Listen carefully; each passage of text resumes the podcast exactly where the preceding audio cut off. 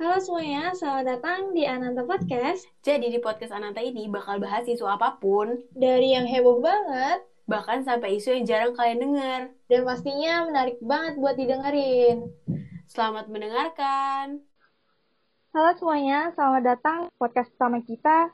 Perkenalkan, gue Anissa Damayanti dan temen gue Rizka Amalia. Jadi pada podcast kali ini kita akan mengangkat tema isu-isu konservasi primata dengan topik yang pastinya nggak asing di lingkungan kalian dan ini sangat akrab dengan dunia pertopeng monyetan. Karena kita pengen bahas tentang dunia pertopeng monyetan, gue pernah lihat nih video yang viral bulan Agustus lalu, dan itu rame di sosial media. Lo tau gak sih, Dang, videonya? Iya tuh kak, gue juga pernah lihat videonya. Di video tersebut, si monyet dipukul beberapa kali, terus sempat ditendang bahkan sampai diinjak badannya.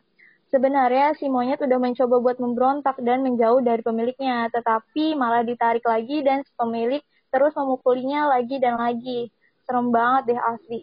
Sejujurnya kalau menurut pendapat pribadi gue, terlepas dari peraturan perundang-undangan yang ada, itu udah melenceng banget sih. Maksudnya seperti yang kita tahu kan kita harus menjunjung tinggi banget nih kesejahteraan hewan. Dari mulai kesejahteraan dari rasa lapar, haus, ketidaknyamanan, rasa sakit, dan kebebasan untuk mengekspresikan perilaku normal dan alaminya. Yap, bener banget. Dan yang pernah gue baca berita juga nih, si makaka ini dilatih dengan cara kekerasan buat mengikuti arahan dari pemiliknya. Sedih banget gak sih? Terus juga nih, yang lebih sedihnya lagi, mereka dikasih makan tidak sesuai dengan makanannya. Terus mereka dikasih makan dalam porsi yang sedikit dan tinggal di tempat yang sangat memprihatinkan. Nah, ada lagi nih kak yang lebih parah.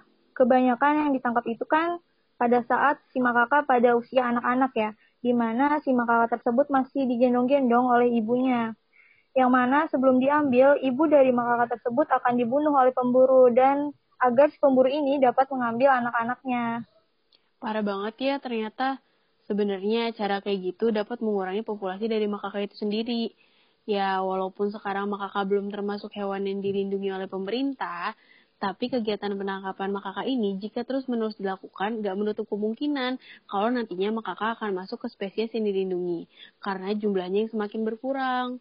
Sebenarnya ada banyak banget loh cara sederhana yang bisa kita lakuin untuk melindungi si makaka dari atraksi topeng monyet. Salah satunya itu dengan cara kita tidak memberikan apa pun dalam bentuk materi seperti uang ke pelaku dari kegiatan topeng monyet tersebut.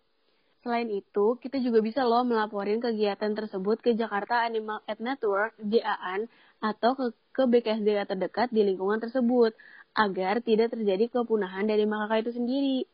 Baik lagi nih, ke kesejahteraan hewan, primata juga berhak bahagia loh, gak cuma manusia aja. Nah, kita bisa ikutin cara di atas agar manusia dan hewan terutama primata dapat hidup berdampingan tanpa harus melukai satu sama lain. Sekian podcast kita kali ini.